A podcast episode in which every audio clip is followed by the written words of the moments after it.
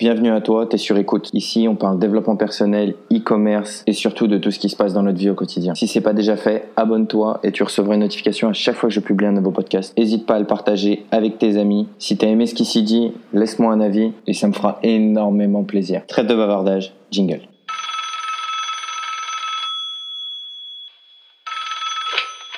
Allô, c'est toi? Quitte pas, t'es sur écoute. Maybe you should pull the fucking trigger. Pull the trigger. Ain't nobody gonna do for you. Pull the trigger. Work it, make it, do it. Makes us harder, better, faster, stronger. Work That, it, that, that,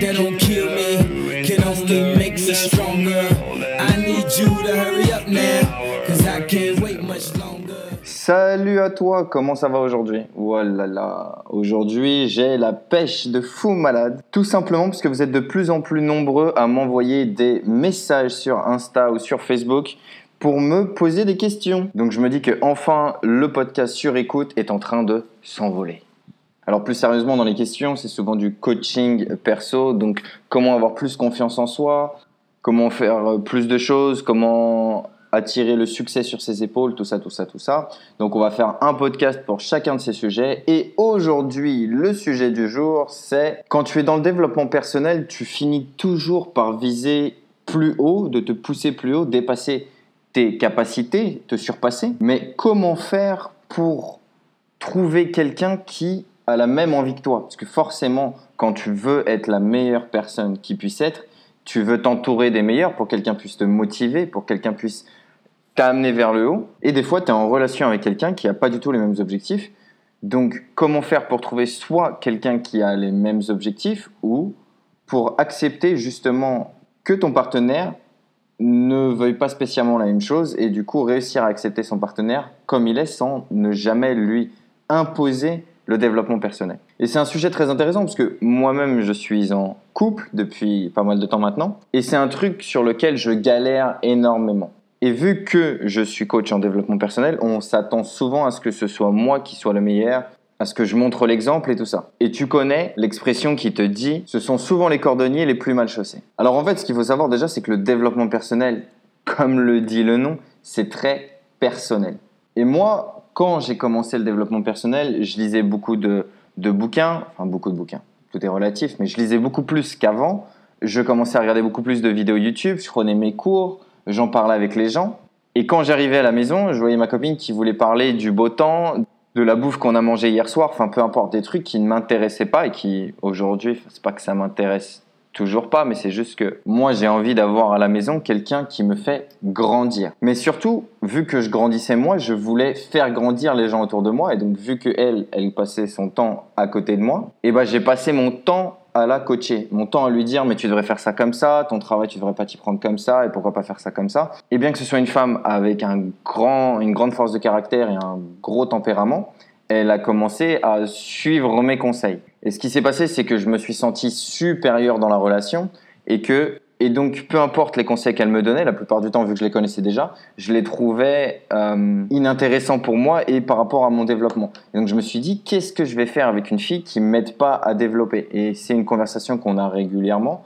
C'est que si on est ensemble, c'est aussi pour s'aider à grandir mutuellement. Sauf qu'il faut comprendre que, encore une fois, c'est un, je suis un homme, c'est une femme, et donc on n'a pas du tout les mêmes objectifs de croissance on n'a pas du tout les mêmes points d'intérêt, on n'a pas du tout les mêmes objectifs, on n'a pas du tout la même perception de la vie. On aurait, enfin, c'est pas qu'on n'a rien en commun, mais c'est qu'on est deux personnes distinctes, évidemment. Et donc, il m'a fallu énormément de temps et il me faut encore énormément de temps pour comprendre que ce développement personnel, il est individuel. Mais bien que je veuille que mon partenaire se développe également, ma partenaire se développe également, je ne peux pas attendre à ce qu'elle se développe dans le même domaine que moi. Je dois aussi me forcer à comprendre que sa croissance ou son développement à elle n'est pas forcément au même rythme que le mien. Et au final, également, que si j'ai des attentes envers elle, c'est surtout que j'ai des attentes envers moi. Et donc le développement personnel, au final, bien que tu sois en couple ou pas, il faut vraiment te concentrer sur toi et espérer que l'autre t'accepte comme tu es. Parce que c'est toi qui changes, c'est pas l'autre personne. C'est toi qui as décidé de devenir meilleur, c'est toi qui as décidé de devenir euh, plus fort, plus intelligent, euh, plus ponctuel et tout ça. Donc c'est toi qui as voulu devenir vegan, c'est toi qui as voulu devenir euh, peu importe. Mais qui a dit que ta façon de te développer à toi, c'était la meilleure? Pourquoi tu voudrais que ton partenaire ou ta partenaire fasse comme toi Après tout, c'est ton point de vue et c'est toi qui as décidé de te transformer comme ça. Et donc, si la personne ne, ne se voit pas développer dans la même direction que toi, il faut pas la forcer. Par exemple, là, je suis en train de faire un jeûne de 3 jours, 72 heures sans manger, ni boire autre chose que de l'eau. Pas de thé, pas de café, pas de sucre, pas de protéines, pas de, pas de pastilles, rien du tout, juste de l'eau pendant 72 heures. Ma copine a fait 36 kilos. Je vais pas lui dire de faire un jeûne de 72 heures avec moi, elle va mourir. Bon, elle fait 1m48 aussi, hein, donc euh, je tiens à signaler que c'est à peu près normal. Mais du coup, moi, ce que j'ai fait, c'est que j'ai attendu qu'elle s'en aille, qu'elle parte euh, en week-end pour me développer. Et tu vois, c'est peut-être pour moi, ce jeûne de 62 heures, c'est peut-être bon, mais pour elle, c'est peut-être mauvais. Donc si j'attendais à ce qu'elle fasse comme moi, eh bien, c'est forcément voué à l'échec. Donc en fait, vraiment, quand tu es en couple et que tu es en, poursuite de développement personnel, en poursuite de croissance, de growth, comme tu veux l'entendre, il faut plus attendre de la compassion envers ton partenaire ou ta partenaire. Maintenant, il faut se rappeler que ton partenaire ou ta partenaire, elle est là pour t'apporter de l'affection, de l'amour, de l'attention, euh, peu importe ce que tu veux voir. Donc, je te conseille de lire par exemple le bouquin Les cinq langages de l'amour.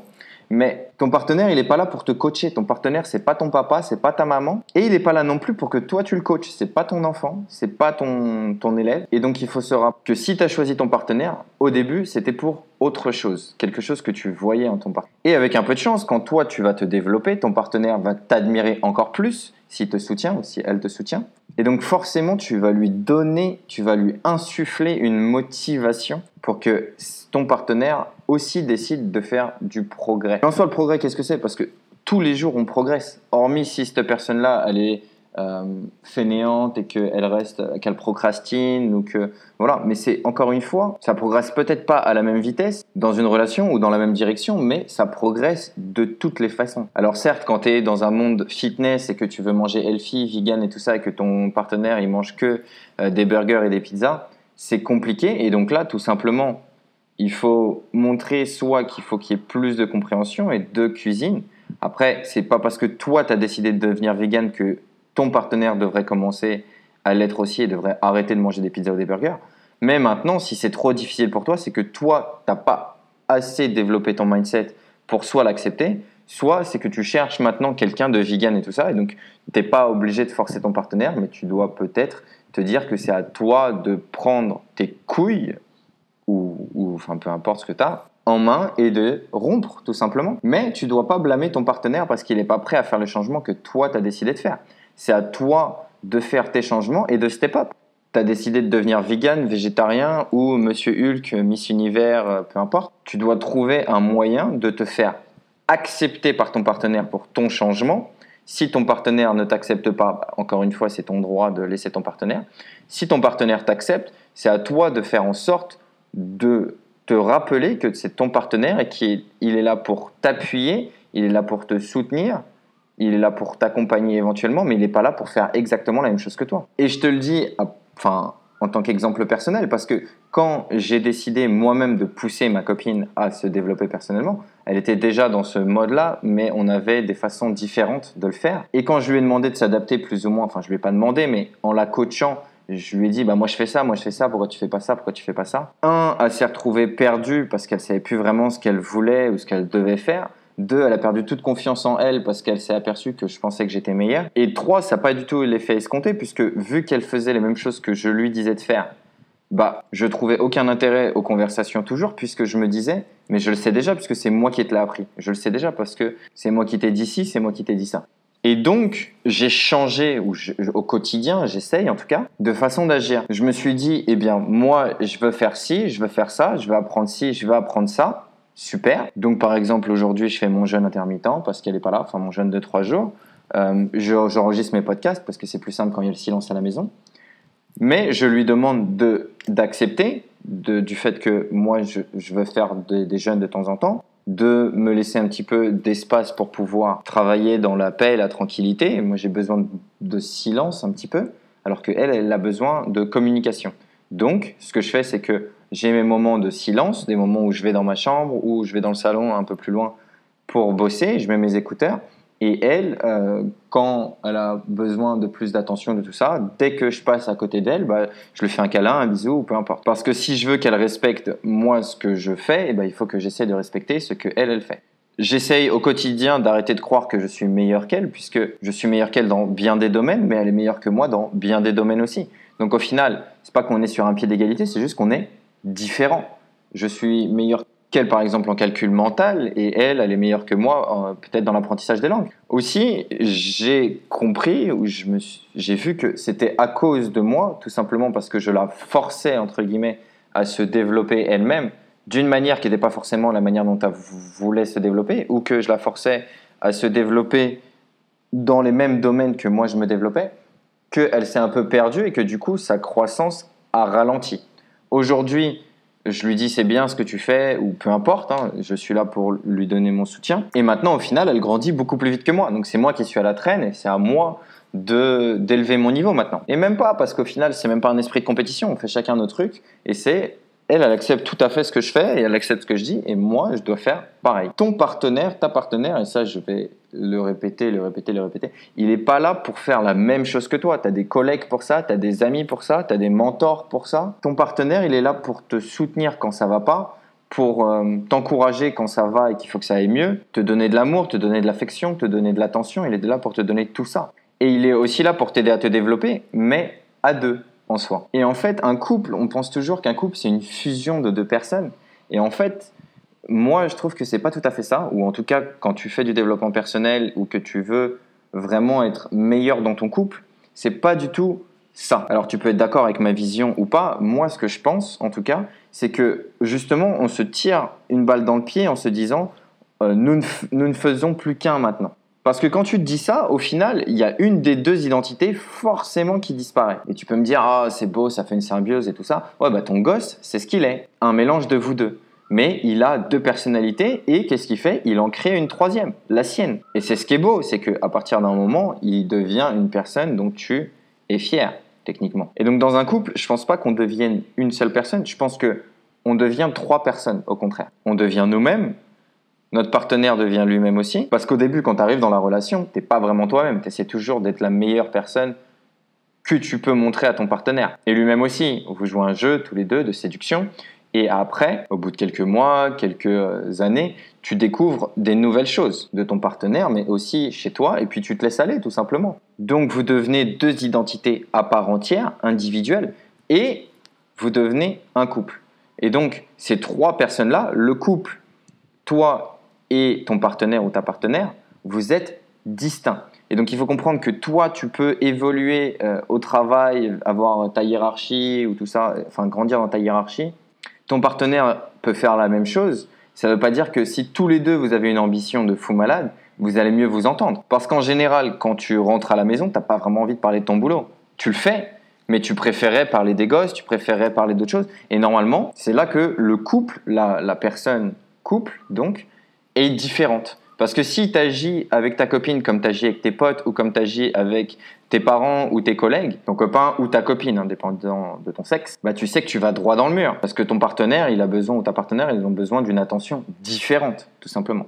Donc pourquoi tu ferais ça Tout simplement parce que tu es dans le développement perso et tu as décidé de devenir meilleur? Devenir meilleur, c'est comprendre qu'il faut accepter les autres comme ils sont comprendre que toutes les personnes que tu rencontres dans ta vie ont quelque chose à t'apprendre et que ça vaut aussi pour ton partenaire ou ta partenaire. Et donc c'est pas parce que toi tu as décidé de lire beaucoup plus de bouquins, que tu as décidé de manger beaucoup plus healthy, d'aller à la salle et tout ça et que ton partenaire ou ta partenaire ne le fait pas que ta partenaire ne grandit pas ou qu'elle n'a rien à t'apprendre. Maintenant encore une fois, si ton ou ta partenaire tout d'un coup ne t'apprend rien et que c'est la seule chose qui compte pour toi, sachant que dans un couple, tu n'es pas non plus obligé d'apprendre, comme je te disais, c'est pas l'intérêt du couple. L'intérêt du couple, c'est d'avoir la sécurité, la stabilité, le confort. Ce qui, normalement, dans la pyramide de Maslow, sont les bases. Donc, les bases qui sont les besoins physiologiques, se nourrir, euh, faire pipi, faire caca, dormir. Et puis après, tout de suite, après, dans les étapes, tu as le besoin de sécurité et de confort.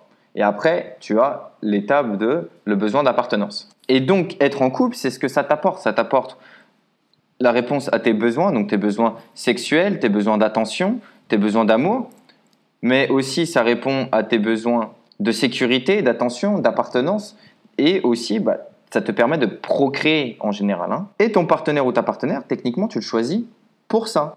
Maintenant, encore une fois, si c'est pas ça que tu veux, ou que tu te vois pas tout simplement parler avec quelqu'un toute ta vie euh, de, je sais pas, peu importe ce que vous parlez, c'est à toi de rompre, tout simplement. C'est pas à toi de te dire cette personne est mauvaise ou voilà. C'est juste, je change dans une direction où cette personne ne peut pas m'aider. Et techniquement, tu comprends que quand tu dis ça, toi qui apprends le développement personnel, qui apprends donc la compassion, la gratitude, l'acceptation, c'est que t'as pas vraiment évolué si tu fais ça. Il y a un truc que j'aimais beaucoup chez Will Smith. Un jour, il a eu un post sur Insta et il disait Ce n'est pas le rôle de ma partenaire de me rendre heureux. C'est mon rôle à moi. Et ce n'est pas mon rôle à moi de rendre ma partenaire heureux. C'est son boulot à elle. Et ça encore, c'est un truc puissant parce que c'est comme je te disais tout à l'heure. Ton rôle à toi, c'est de te concentrer sur toi. Et tu vas me dire, ah ouais, c'est égoïste, tu devrais pas dire ça. Mais si demain ton partenaire décède, et que tu as fait 300% de trucs pour cette personne-là et rien pour toi, bah, tu n'auras aucune raison de vivre. Tu seras totalement perdu. Tu te diras, mais attends, mais qu'est-ce que je vais faire maintenant? Parce que c'était ma raison d'être, ma raison de vivre. Et ouais. Donc tu dois être 100% là pour ton partenaire, 300% même, mais tu dois être encore plus là pour toi et te concentrer sur toi. Et comme il disait Will Smith, donc, à partir du moment où moi j'arrive heureux, que ma partenaire arrive heureuse, on est tous les deux bien plus heureux. Alors que si moi j'arrive heureux, qu'elle elle n'est pas heureuse, je vais tenter de la rendre heureuse, mais elle, elle va m'attirer dans le puits et, et vice versa. Tu peux pas, tu peux aider quelqu'un. Enfin, l'expression rendre quelqu'un heureux, c'est euh, c'est malsain un peu parce que si tu y penses, ça veut dire que sans toi, cette personne elle n'est pas heureuse, donc ça peut être cool. Mais pour toi, pour ton ego, mais en soi, pour cette personne-là, ça veut dire que personnellement, elle, elle se développe très mal. Et les dépendances, quelles qu'elles soient, c'est pas bon. Alors certes, il faut se sentir heureux d'être avec cette personne-là, mais il faut que quand la personne ne soit pas là, tu sois heureux aussi. Et c'est là où les personnes euh, qui sont pas heureuses sans leur partenaire n'ont rien à faire ou se, se laissent mourir ou enfin, voilà, il y a, comme un chagrin, il y a comme un- une erreur aussi là-dedans, non? Et en coaching, tu peux t'en apercevoir souvent quand tu coaches quelqu'un, il y a des gens qui ne veulent pas changer. Ils sont pas prêts à changer. Tu peux leur donner tous les outils possibles et imaginables pour devenir meilleurs. Ils sont pas prêts. Et ils sont tristes et ils veulent rester tristes toute leur vie. Et donc, qu'est-ce qu'ils vont faire? Ils vont t'absorber. Et donc, tu vois, c'était vraiment le modèle du puits. Où quand quelqu'un est dans un puits, toi, tu es à l'extérieur, tu peux lui tendre la main et le tirer vers l'extérieur. Mais si vous êtes tous les deux dans le puits, parce que cette personne-là, elle avait beaucoup plus de force que toi et elle t'attire dans le puits, et vous êtes tous les deux dans le puits maintenant, et comment vous allez vous en sortir? Explique-moi. Donc voilà, ce que je voulais dire, c'était concentre-toi sur toi, deviens beaucoup plus fort toi, et tout simplement, si tu deviens une personne inspirante, bah, ton partenaire, il va vouloir faire ça aussi. S'il ne le fait pas, c'est que tu n'es pas assez inspirant, donc grandis plus, mais concentre-toi sur toi. Concentre-toi sur toi, parce que si tu te concentres sur ton partenaire, ce qu'il fait, ce qu'il fait pas, c'est que techniquement, toi, tu te mets des barrières où tu te dis que c'est beaucoup plus important que lui grandisse plus que moi. Enfin, peu importe en fait. C'est juste que c'est pas du tout la bonne façon de penser. Et après, dans un couple, de toute façon, on est là pour se donner des conseils. Donc, quand tu vois euh, ton partenaire ou ta partenaire faire des choses, tu peux lui dire Ah, moi je ferais pas ça comme ça. Et là, au lieu de lui dire ce que moi je faisais avant, tu devrais faire ça comme ça, tu peux lui demander pourquoi tu as décidé de faire ça comme ça? Est-ce que tu penses que c'est la seule option? Est-ce que tu penses que c'est la meilleure option pour toi? Et là, tu lui donnes l'option à, à ton partenaire ou ta partenaire de penser de lui-même ou d'elle-même sur ce qu'elle fait. Parce qu'à partir du moment où toi, tu es dans, dans tes objectifs, que tu t'es fixé des objectifs et que tu veux y aller, tu commences à avoir cette vision tunnel, donc où tu avances toujours, toujours, toujours tout droit. Mais tu vois pas les choses à côté. Et il y a plein de façons de grandir. Dans la méditation, dans le sport, dans l'alimentation, dans la discussion, dans le travail, collaboration, peu importe. Il y a plein, plein, plein, plein, plein de manières de, fonctionner pour grandir. Et aussi, il y a plein de vitesses pour grandir. Genre, moi, j'étais minuscule quand j'étais enfant et, euh, et maintenant, je suis juste petit, disons. Mais ce que je veux dire, c'est qu'il y a des gens qui grandissaient beaucoup plus vite que moi quand j'étais à l'école et arrivé au, au lycée ou à la fac, bah, j'étais plus grand qu'eux à la fin. Bon, c'est pas arrivé avec beaucoup de personnes, hein, je dois l'avouer. Mais tu as compris le concept. Et donc, toi, de vouloir forcer ton partenaire ou ta partenaire à grandir à la même vitesse que toi, dans la même direction que toi, un, ça va te ralentir toi parce que si tu penses comme ça, c'est que tu n'as toujours pas vraiment grandi.